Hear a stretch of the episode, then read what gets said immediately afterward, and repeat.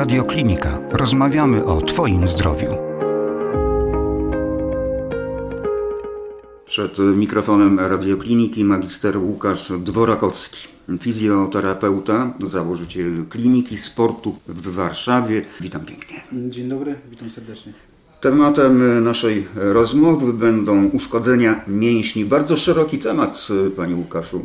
No zgadza się, jest to dosyć popularna kontuzja i jednocześnie, no, tak jak pan wspomniał, dosyć szeroki temat w kontekście urazów, tego jak mięśnie pracują, w jaki sposób je wzmacniać i tak dalej, i tak dalej.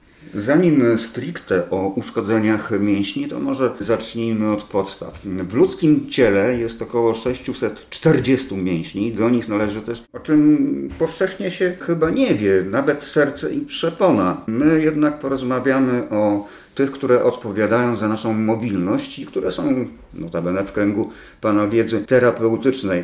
E, odpowiadają za ruch u człowieka, odpowiadają za mm, możliwość przemieszczania się. Czy to prawda, że za te wszystkie czynności odpowiadają mięśnie przeciwstawne? Tak można powiedzieć. Ogólnie w naszym organizmie te mięśnie, o których mówimy w tym momencie, to są mięśnie poprzecznie prążkowane. Ich układ czy też budowa składa się z aktyny, miozyny e, i one poprzez współgranie ze sobą, pracę na zasadzie wsuwania, rozciągania, takiej harmoniki między sobą, jeżeli patrzymy pod mikroskopem, wykonują aktywność, wykonują pracę i wyróżniamy najprościej mówiąc mięśnie agonistyczne, antagonistyczne, czyli grupy przeciwstawne. Jeżeli coś w jednym obszarze ciała się napina, to z drugiej strony wiatczeje? Bardziej nazwał to po prostu rozluźnia się, tudzież pozwala na wykonanie ruchu. Przykładem może być biceps w obrębie naszego ramienia. W momencie, kiedy zginamy łokieć, biceps się napina. Możemy pokazać ten, ten biceps nasz w przypadku, nie wiem, kulturystów, którzy naprężają się i pokazują biceps.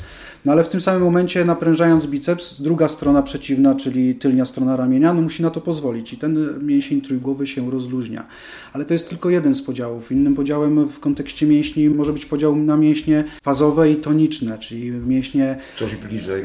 Toniczne mięśnie, które są pozornie odporne na, na zmęczenie, czyli biorą udział w zachowaniu prawidłowej postawy ciała. Nie myślimy o tym, idąc, stojąc w kolejce czy idąc gdzieś, nie myślimy o tym, że mamy mieć kręgosłup wyprostowany, głowa do przodu, tylko to się dzieje tak jakby samoistnie, tak?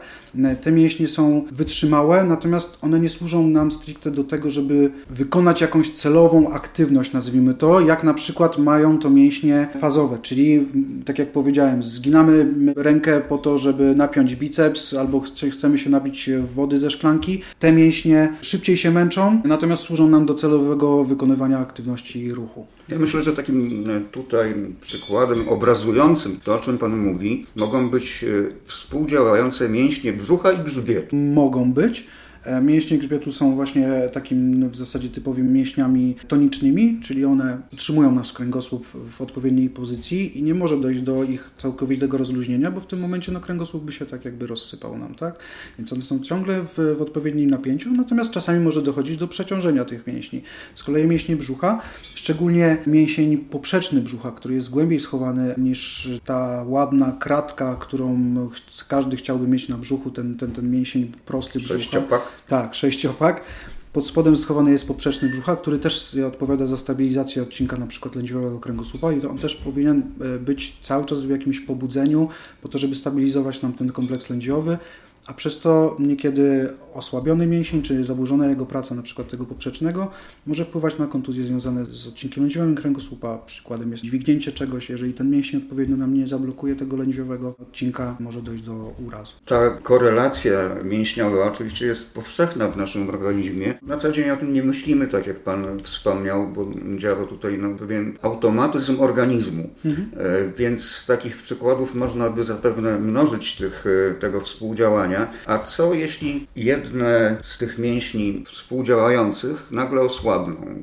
No to może dochodzić do dystrofii mięśniowej, czyli zaburzenia względem agonisty antagonisty. Przykładem może być, e, nie wiem, wzmożone napięcie właśnie w obrębie bicepsa dalej, a osłabienie tricepsa, czy też nierównowaga mięśniowa w kontekście na przykład kontuzji sportowych, nierównowaga mięśniowa w obrębie kończyny dolnej, e, czworogłowy łuda, czyli ta przednia strona łuda, w stosunku do tylnej strony uda. Jeżeli któraś grupa jest zbyt mocno napięta albo zbytnio osłabiona, ta równowaga mięśniowa nie jest zachowana, może dochodzić do kontuzji urazu, na przykład w obrębie stawu kolonowego czy, czy jakiegoś innego. Czyli następuje takie prawo serii?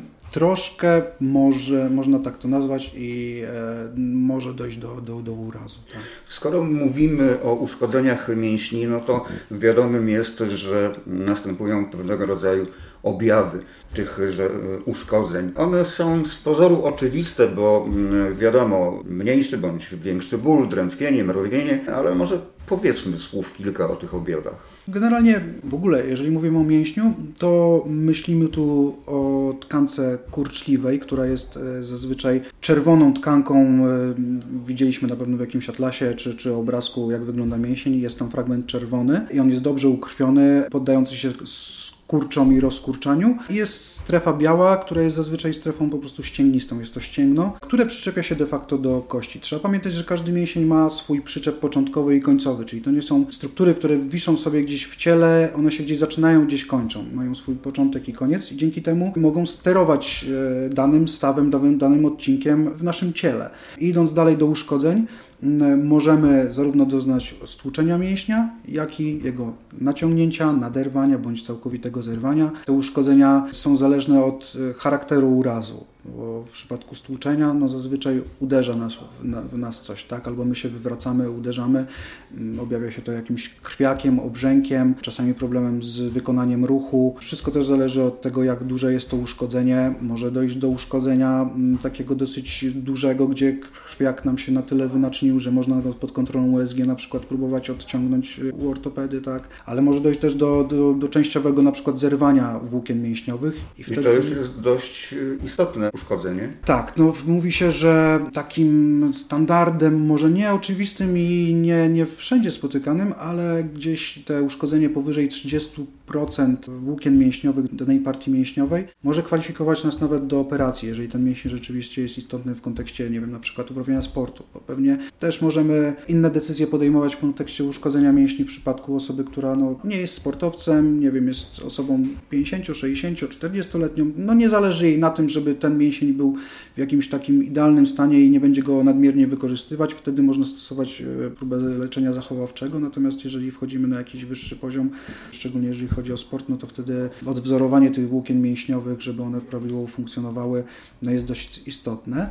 A z drugiej strony y, rzecz biorąc, to nie jest tak, że osoba, która nie uprawia sportu, nie powinna przejść prawidłowej rehabilitacji czy, czy zadbania o to, żeby ten mięsień jednak odbudować i wzmocnić go na tyle, żeby zachować właśnie tą równowagę mięśniową, żeby nie było sytuacji, że nagle przednia część uda, czyli ten czworogłowy jest bardzo osłabiony, bo ma nie wiem, zerwaną głowę prostą, tylnia strona uda jest na przykład bardziej mocno, no, mocniej napięta, dochodzi do zbyt dysbalansu, obciążamy na przykład drugą nogę i wtedy wbrew pozorom, mimo tego, że kontuzja mięśnia dotyczyła na przykład prawej prawej nogi, lewa noga jest bardziej obciążona, nadrabia ten problem w prawej kończynie, no i na przykład staw kolonowy boli nas w lewej nodze, mimo tego, że w prawej mieliśmy kontuzję.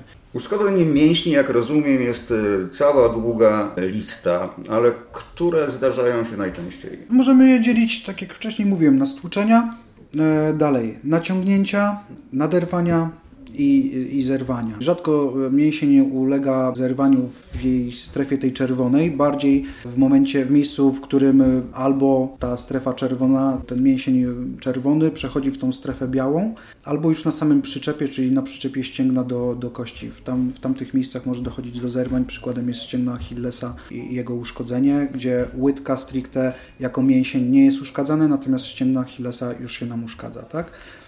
Czyli te ścięgna jawią nam się w kontekście mięśni jako takich niezwykle ważne. Tak, tak, to są bardzo istotne struktury. No, to jest tak jakby no, zakończenie prawie każdego mięśnia jest to zakończenie ścięgniste. A skoro jesteśmy przy tym wątku, wspomniał Pan nieco wcześniej, że niekiedy należy zaingerować operacyjnie, jeśli dochodzi do rozerwania struktury czerwonej i struktury białej. Mhm to się zszywa, czy to się jakoś y, tak. inaczej łączy? Tak, no w przypadku operacji jest to szycie, jest to generalnie praca no, ortopedy i oni są w tym specjalistami, natomiast ym, robi się to na zasadzie no, haczykowania, jakby trzeba odpowiednio umieścić jeden hak jakby taki, taki haczyk, drugi haczyk po przeciwnej stronie, no i spróbować zbliżyć te zakończenia nerwowe, mięśniowe, żeby one no, były w stanie zarosnąć blizną, odtworzyć się, żeby ta funkcja mięśnia była e, prawidłowa. Niemniej jednak czasami jest to trudne. Mięsień jest taką strukturą no, podatną na rozrywanie przy operacji, tak, czasami jest to trudne w kontekście ortopedów, ale to jest, to jest generalnie temat ortopedów i oni wiedzą o tym najwięcej. A to zbliznowacenie po operacji, skoro już mówimy o operacyjnych działaniach, powoduje osłabienie struktury mięśniowej? To jest tak, że tak, powoduje osłabienie, znaczy mięsień, w którym występuje uszkodzenie, nigdy nie będzie tą samą strukturą, którą był na początku. To jest generalnie wytwór blizny i zadaniem fizjoterapeuty jest e, tak wymodelować tą bliznę swoją pracą manualną, czasami e, porozrywać wzrosty tkankowe, które występują w czasie gojenia, następnie e, pracą manualną, czy to odpowiednimi ćwiczeniami, obciążeniami, próbować tą bliznę wytworzyć, żeby ona jak najbardziej przypominała tą tkankę pierwotną, podatną na obciążenia, no i finalnie, żeby osoba wróciła do swojej poprzedniej aktywności fizycznej bez dolegliwości bólowych czy, czy jakichś ubytków motorycznych.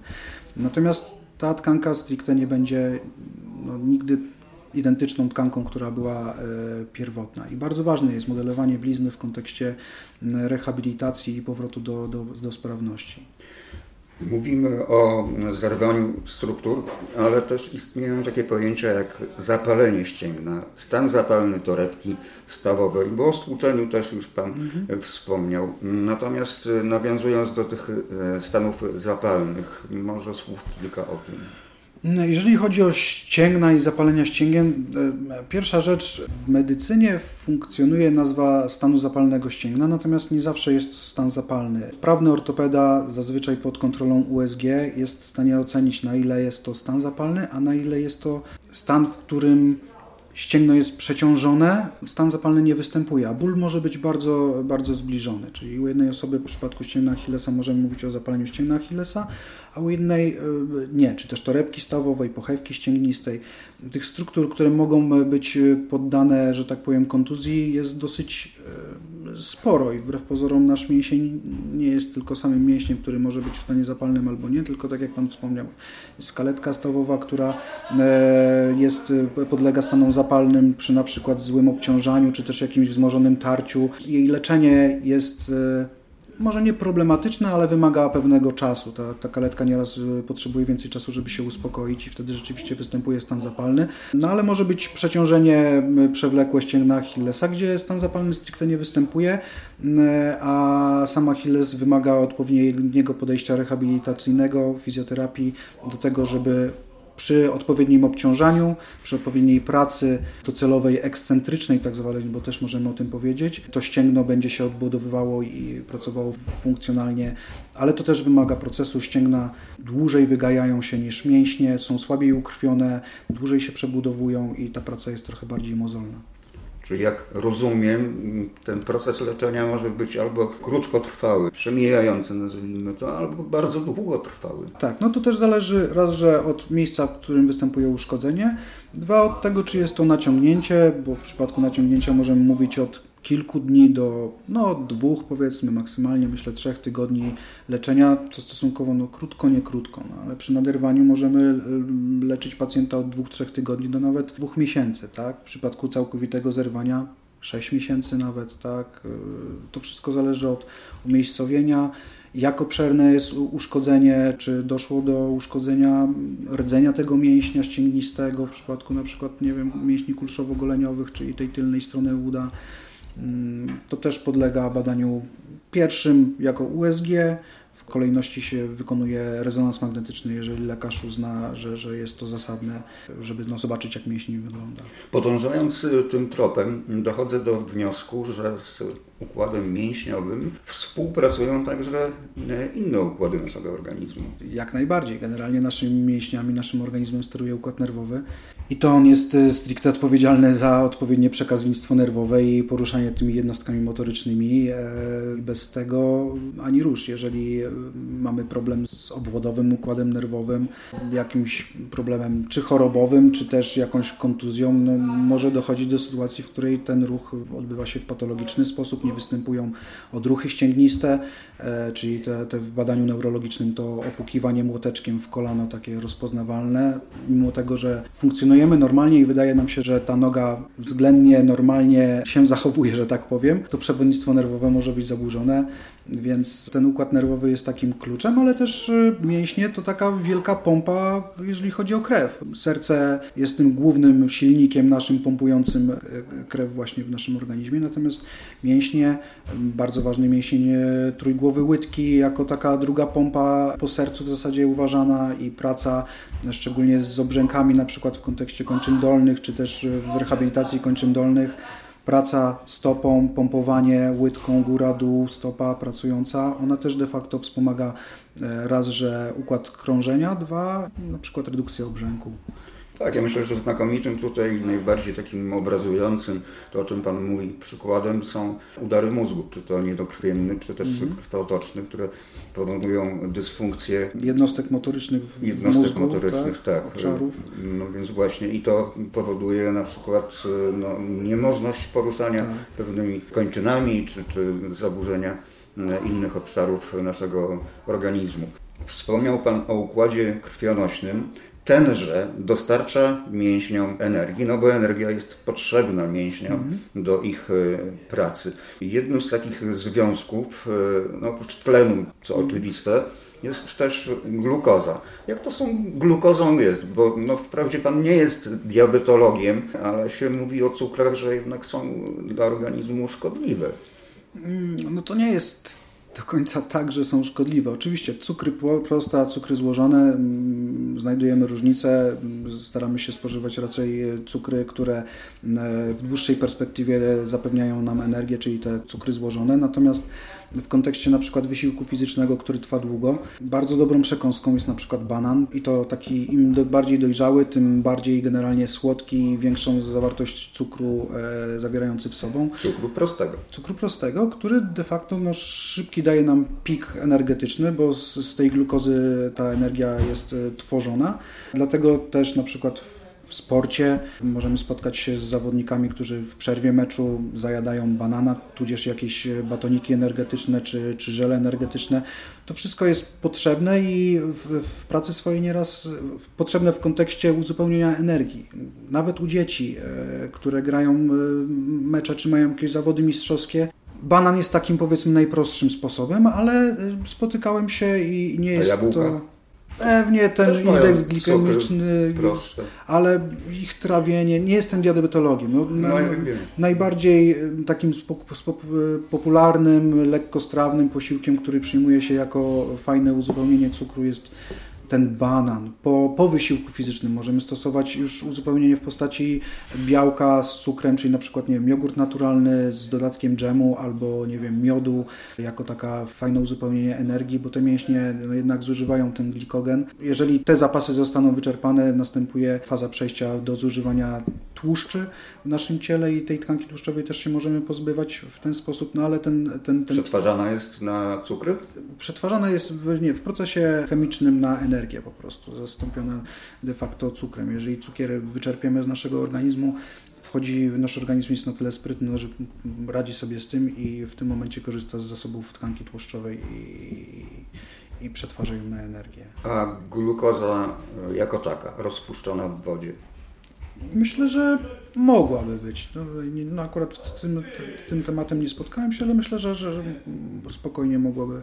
Skoro jesteśmy przy różnego rodzaju związkach, e, które krążą w naszym organizmie, w tym te cukry proste, to może powiedzmy jeszcze słów kilka o kwasie mlekowym. Samo słowo kwas już brzmi trochę groźnie, ale to chyba naturalny związek, który gdzieś tam czasami pojawia się w naszych mięśniach, bo o mięśniach dzisiaj rozmawiamy. Tak, generalnie kwas mlkowy powstaje u ludzi w procesie tak zwanej beztlenowej glikolizy, czyli spalania glukozy będącym źródłem energii. I w procesie tego, jeżeli dochodzi do niedoboru tlenu, dochodzi do wytworzenia kwasu mlekowego. Natomiast y, jeżeli myślimy o kwasie mlekowym i zakwasach, bo tak to się mówi popularnie. No właśnie, mamy... konsekwencją tak. są te zakwasy, które nieraz po zbyt intensywnym treningu, przeforsowaniu mięśni, mhm. czujemy taki ból w mięśniach i mówimy, że mamy zakwasy. I to jest trochę e, błędne, nawet nie trochę, jest to błędne, ponieważ generalnie... Jest okazja, żeby to... Jasne. Wyjaśnić.